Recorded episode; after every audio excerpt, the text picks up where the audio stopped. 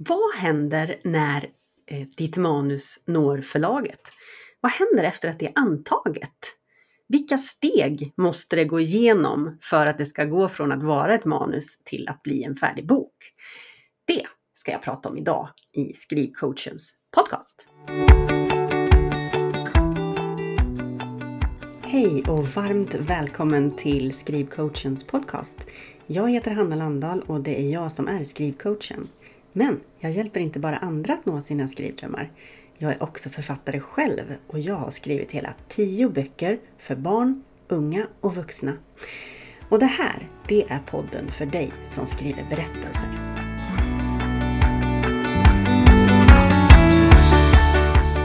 Idag tänkte jag prata om någonting som jag vet att många som skriver är väldigt nyfikna på. Nämligen vad som händer på förlaget. Från att ett manus har blivit antaget till att det blir en bok. Det här kan ju kännas som en eh, lite så här eh, eh, stängd och hemlig process. Men det är inte så himla hemligt egentligen. Så nu tänkte jag liksom avslöja vad det är som händer. Eh, jag har ju, som jag har tjatat om tidigare, skrivit tio böcker hittills och mina böcker är utgivna av flera olika förlag. Så jag vet ju att det kan skilja sig åt en hel del hur den här processen ser ut. Men jag ska försöka ge en så eh, generell bild som jag bara kan av det hela. Och det första som händer då när du skickar in ditt manus till ett förlag så hamnar det ju i förlagets manusinkorg. Och här vet jag att förlagen har lite olika rutiner för hur de tar hand om den här manusinkorgen. Och det kan dröja olika länge för när de kikar i den och när det, du kan förvänta dig att liksom få någon form av återkoppling. Men det som händer är helt enkelt att någon som ansvarar för manusinkorgen på förlaget gör en första gallring. Och eftersom förlaget får in, som du vet, väldigt många manus hela tiden så kan ju det här, bara den här första gallringen ta riktigt lång tid. Alltså det kan ta flera månader innan det sker. Lite beroende på eh, vad förlaget har för interna rutiner såklart. Och hur stort förlaget är och hur många som jobbar där och så vidare. Eh, och vid den här första gallringen då så gör förlaget en första bedömning av om de tror att ditt manus kan vara intressant för dem. Eh, eller om de inte tror det. Och om de inte tror att det här är någonting för dem, då kommer du redan här få ett mejl som säger att de inte är intresserade av att ge ut ditt manus. Och då stannar ju processen där mm, för det här förlaget och för ditt manus. Men det som är viktigt att tänka på här, det är att det, det är ju inte så att förlaget säger nej till dig som person, utan till ditt manus. Och du kan alltid skicka in nästa manus eller en omarbetad version av ditt manus till det här förlaget igen om du vill. Men om eh, förlaget i den här första gallringen eh, visar sig vara eller känner att vi är faktiskt intresserade av det här manuset. Det har någonting som vi gillar och vi tror att det här skulle, kanske kan vara något för oss. Det här är ju absolut inte något besked eller liksom något beslut eller så. Eh, men då kan, eh, då, då kommer fler personer på förlaget att läsa. Och det kan vara så om det har gått lång tid att du då får ett mejl där de frågar är det här manuset fortfarande ledigt? Eh, så kan det vara för att se eh, så att de inte läser och lägger tid på manus som eh, redan är antagna av ett annat förlag. Men i den här eh, formen då, eller nu, så kan det vara så att man skickar ut det på, till en extern, extern lektör som läser manuset för att säga sin åsikt. Eller också kan det vara förläggare och redaktörer som läser också. Eh, och eh, ja, här sker det ju någon form av utgallringsprocess då. Och ju fler som, alltså går det igenom någon som har tyckt att det har varit bra så får fler läsa. Eh, och den här liksom gallringsprocessen eller antagningsprocessen skiljer sig ju åt mellan olika förlag beroende på hur stora de är också. Eh, och ibland så handlar det om att eh, ett manus behöver komma upp på ett utgivningsmöte där det är många personer som är inblandade för att de ska besluta om de ska ge ut det här manuset eller inte. Då. Och ibland så, så är det, tas de här besluten direkt av förläggarna. Men vi ska inte fastna i den här gången med antagningen av manus, eh, utan vi ska istället gå vidare till vad som händer om ett förlag till slut faktiskt tackar ja till ditt manus och ditt manus ska bli en bok. Ja, och det första som händer då, det är att du och förlaget skriver ett så kallat förlagsavtal. Och det här är alltså ett juridiskt bindande dokument där eh, du och förlaget kommer överens om de villkor som eh, ska vara, ska råda för utgivningen av den här boken. Och eh, det som det handlar om det är ju då alltså att det handlar om den här boken. Det kan hända att man får ett avtal om fler framtida böcker, men det är fortfarande ganska ovanligt. Så det allra, allra vanligaste, det är att man skriver ett avtal om just det här manuset som förlaget har läst just nu. Då. Och det handlar om ganska många olika saker. Det handlar till exempel om vilken ersättning som du ska få för varje sålt exemplar av den här boken när den väl är klar. Eh, det handlar om hur länge förlaget ska ha rätt att ge ut din bok. Det handlar om vilka språk och vilka format som, som boken ska ges ut i, eller som förlaget har rätt att ge ut din bok. Och här handlar det om svenska såklart i, i Sverige. Ehm, och det här med formaten då, det, det handlar ju om inbunden bok och det handlar om pocketbok och e-bok och ljudbok. Det finns ju många olika format som boken kan ges ut i. Och vanligtvis så skriver man ett avtal för varje format. Ehm, och, och, om vi ska återgå till det här med språk också. Man skriver också i förlagsavtalet att det här avtalet gäller för utgivning på det svenska språket. Ehm, och ehm, om förlaget, vi säger att förlaget skulle vilja översätta den här boken och ge ut den på engelska också, ja men det får de inte göra då, utan då måste de skriva ett nytt avtal med dig. Utan det är bara på svenska som de har rätt att ge ut boken. Då. Eh, och eh, det som också regleras i, i de här förlagsavtalen då, det är att när förlaget ska ge ut din bok, mm, de har alltså inte hur lång tid på sig som helst, utan måste ge ut den inom kanske ett år eller ett och ett halvt år, det är lite olika. Ehm, och en sak som står i de här, alltså det, vi kan gå tillbaka till det först, att eh, om det, det här är ju en, trygghet för dig, att de eh, säger att de ska ge ut boken inom ett år eller ett och ett halvt år. Så att de inte sitter på de här rättigheterna som du nu har, har eh, gett dem eller hyrt ut till dem, man ska säga. Eh, och inte ger ut någon bok. Det kommer ingen bok. Åren går och det kommer ingen. Och därför så reglerar man det här i de här förlagsavtalen då. Så att om förlaget inte lyckas ge ut den på den här tiden som ni har kommit överens om, då går rättigheterna tillbaka till dig igen så att du har rätt att ge, liksom, kolla med något annat förlag om de vill ge ut din bok istället. Eh, ja, och sen en, an, en annan sak som också står där i avtalet, det är ju det här med garantihonorar. Och det är ett väldigt, väldigt tjusigt ord. Men det är också en väldigt, väldigt bra grej. För garantihonorar, det är ju en summa pengar som du som författare får innan boken är publicerad. Och den här summan behöver du som författare alltså inte betala tillbaka till förlaget. Även om förlaget och du inte lyckas sälja någon enda bok. Eh, så det här är en jätteviktig princip för oss författare.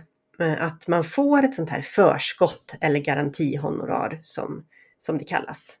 Så det, om du får ett avtal så ska du verkligen hålla utkik efter det. Ja, och, och sen ska jag också säga det här att om du får ett avtal, eh, ett förslag på ett avtal från ett förlag för ett manus som du har skrivit, då ska du skicka det till Författarförbundet.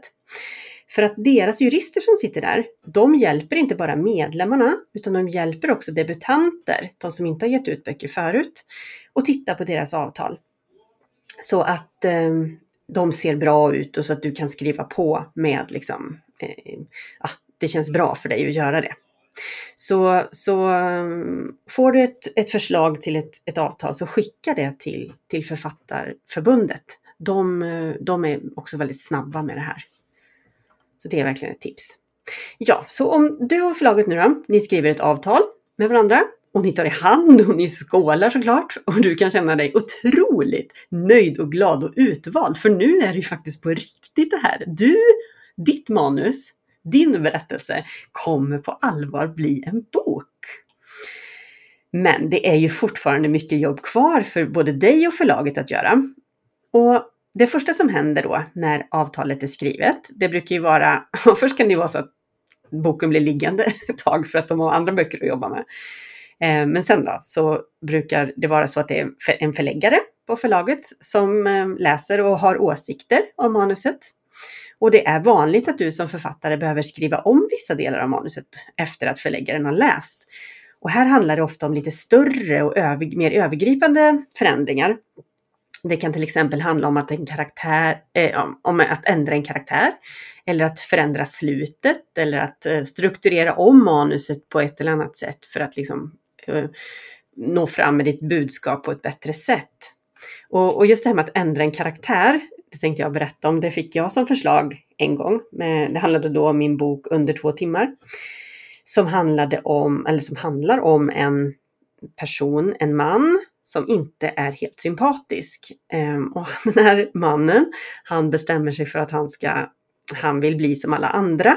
Ehm, han vill träna, fast han inte tränar. Och han bestämmer sig i ett svagt ögonblick för att han ska göra något galet. Han ska springa Göteborgsvarvet och han ska springa det under två timmar, då, därav titeln på boken. Men min förläggare då, som hade antagit det här manuset, eh, han tyckte inte att min karaktär var tillräckligt sympatisk. Han trodde att den här, visst han, han kunde vara osympatisk men han behövde bli mer sympatisk för att läsarna skulle eh, liksom, tycka om honom. Eh, och det här var ju inte direkt någon enkel uppgift för mig. Eh, gör din karaktär mer sympatisk. Eh, för det påverkade ju både det som karaktären sa och tänkte. Alltså jag var tvungen att ändra på de här mycket saker. Eh, och liksom genomgående genom hela berättelsen. Men också hur han agerade, liksom det påverkade hur han agerade i olika scener och också då i förlängningen vad som hände i berättelsen. Eh, för hans handlingar, om han var en lite mer, en lite mindre, nej, lite mer sympatisk person, eh, skulle ju liksom bli annorlunda och få annorlunda konsekvenser än de fick eh, i liksom den första versionen av manuset. Eh, så det var, det var ett ganska stort jobb, större än vad jag kanske förstod när jag började. Men jag satte mig hur som helst vid tangenterna och gav mig fasen på att jag skulle klara det. Så jag arbetade om manuset och förläggaren blev nöjd. Eh, och ehm, det är ju visserligen så här att det är din text det här. Och man får ofta frågan, får, liksom, måste man göra som förlaget säger? Och det måste man ju inte. Eh, har man skrivit ett avtal så är det ju för den här texten som man har eh, skrivit avtal och det är du som författare som eh, det är du som är författaren och det är du som ska stå för din text. Eh, men eh, jag brukar alltid göra som förläggaren säger. och det finns flera anledningar till det. För det första så vet jag med mig att förläggaren vill min text väl. Och jag känner mig helt trygg att han eller hon vill att mitt manus ska bli så bra som möjligt. Jag litar liksom, jag väljer att lita på personerna jag jobbar med.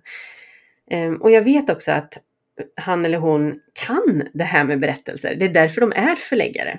De är proffs.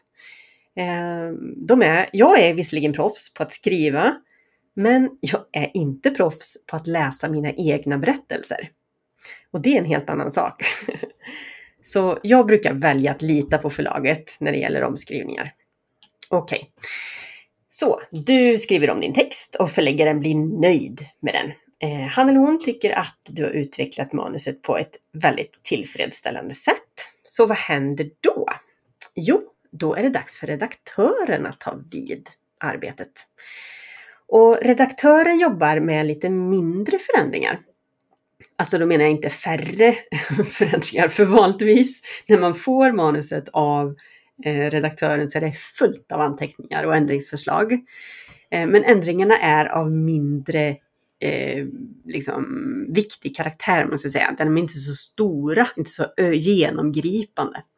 Utan då handlar det inte längre om strukturen och de stora grejerna i berättelsen, utan om lite mindre saker. Redaktören tittar på språket väldigt mycket, om det flyter på, om dialogerna känns äkta och verkliga. Eh, om tempot ska dras ner någonstans eller kanske skruvas upp. Och, alltså, redaktören jobbar alltså mer med finliret. Så du och redaktören kommer förmodligen skicka manuset fram och tillbaka mellan er ett par gånger innan ni båda känner er nöjda. Eh, så, så, din redigeringsprocess är liksom inte slut där vid omskrivningen, utan det är, det är här som redigeringen tillsammans med redaktören börjar. Ja, men när ni är nöjda då med det, då är det dags att göra något som kallas för att sätta texten. Och det betyder ju att ehm, eh, alltså du har kanske jobbat i ett Word-dokument tidigare, troligtvis. Eh, och när man sätter en text så betyder det att det går från att vara liksom det här manuset till att bli verkliga boksidor. Eh, boken ska alltså bli något som kallas för inlaga och det är alltså att den, man förvandlar den till en tryckfärdig fil som då ser ut precis som boken kommer att se ut. Eh, och det handlar om typsnitt och, och, och liksom hur boksidorna är, är strukturerade och Mm, hur titeln ser ut i de första bladen. den får liksom ett sånt här ISBN-nummer, du vet, som ett sånt nummer som är unikt för just din bok och så. Och nu har vi kommit väldigt långt i bokprocessen när man, när man sätter boken då. Um, så, och, och, när manuset har förvandlats till en inlaga, då är det dags för korrekturläsning. Och det vanliga som jag upplever det är att manuset då skickas till en extern korrekturläsare. Men att redaktören och författaren också korrekturläser manuset då. Och att tanken med det är väl att få så många ögon som möjligt på manuset. Ehm, och så att alla små fel ska upptäckas. Men eh, det gör de ju dessvärre inte oftast.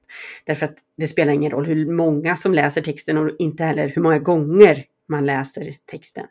Ehm, det kommer ändå slinka med ett eller annat korrekturfel och det får man lite grann leva med och försöka acceptera. Annars kan man sitta där och läsa och läsa och läsa och det kommer ändå inte hjälpa. Mm. Så efter att korrekturläsningen är gjord så kommer redaktören liksom stoppa in de här ändringarna som man har hittat, eller felen som man har hittat och skapa en ny inlaga. Och då är det dags för slutgodkännande av korrekturet. Och då kallas det eh, ofta för just korrektur. Konstigt, det går från manus till inlaga till korrektur. Ja. Eh, och den här, det här slutkorrekturet läser ju du som författare och liksom godkänner att ja, nu är det okej okay att den här, eh, nu, nu, är texten klar. Jag känner mig klar eh, och jag godkänner att den här går till tryck. Ja, och då är ju liksom texten färdig att segla iväg till tryckeriet. Men en bok är ju så mycket mer än en text. Det är ju till exempel ett omslag också och en baksidestext eh, och andra typer av texter och presentationer som ska skrivas. Och det här jobbar ju alltså förlaget med parallellt som du och redaktören jobbar med texten.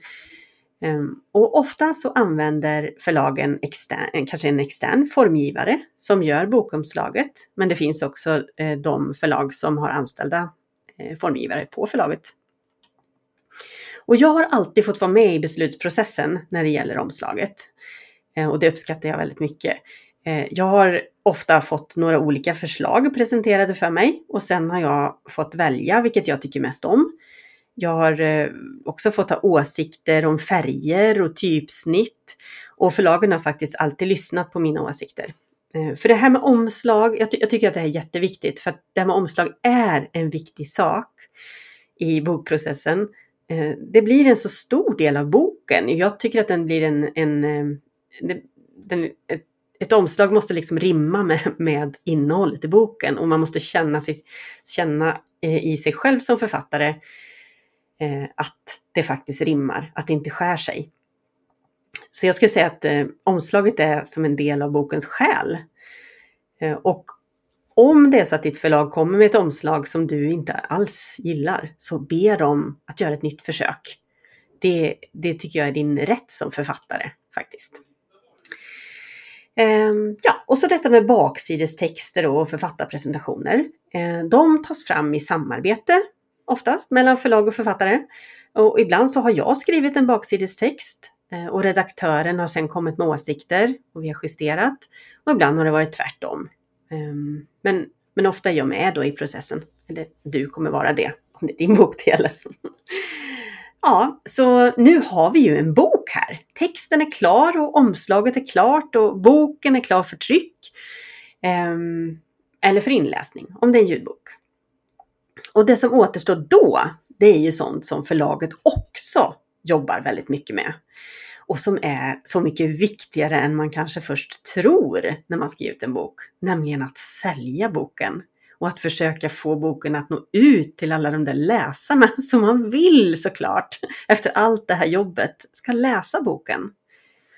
Och det gör ju förlaget genom att försöka boka in dig som författare i, liksom, för tidningsintervjuer eller på bokmässor och sånt där. Eh, och de skickar ut recensionsexemplar till bokbloggar och andra medier.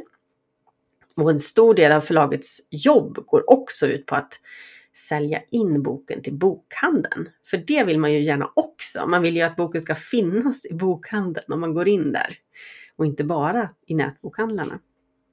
Ja, som du hör, det är många steg som ska tas innan ett manus blir en färdig bok och når ut till läsarna. Och det här tar lång tid och jag minns att jag kände mig så frustrerad när min första bok blev antagen och jag fick veta att den skulle komma ut först tio månader senare. ah, det kändes som ett hån mot mig. Först hade jag väntat i sju månader på att få svar från förlaget och sen skulle det ta tio månader till. Det var inte vad jag hade förväntat mig. Men nu har jag vant mig vid det här och jag vet att bokprocessen tar lång tid, så nu förväntar jag mig ingenting annat och det är rätt skönt. Stort tack för att du har lyssnat på Skrivcoachens podcast. Jag skulle bli jätteglad om du ville tipsa någon annan skriventusiast om podden. Kanske genom att ta en skärmdump, lägga ut den och tagga mig i dina stories på Instagram. Där heter jag Skrivringen i så fall. Vi ses!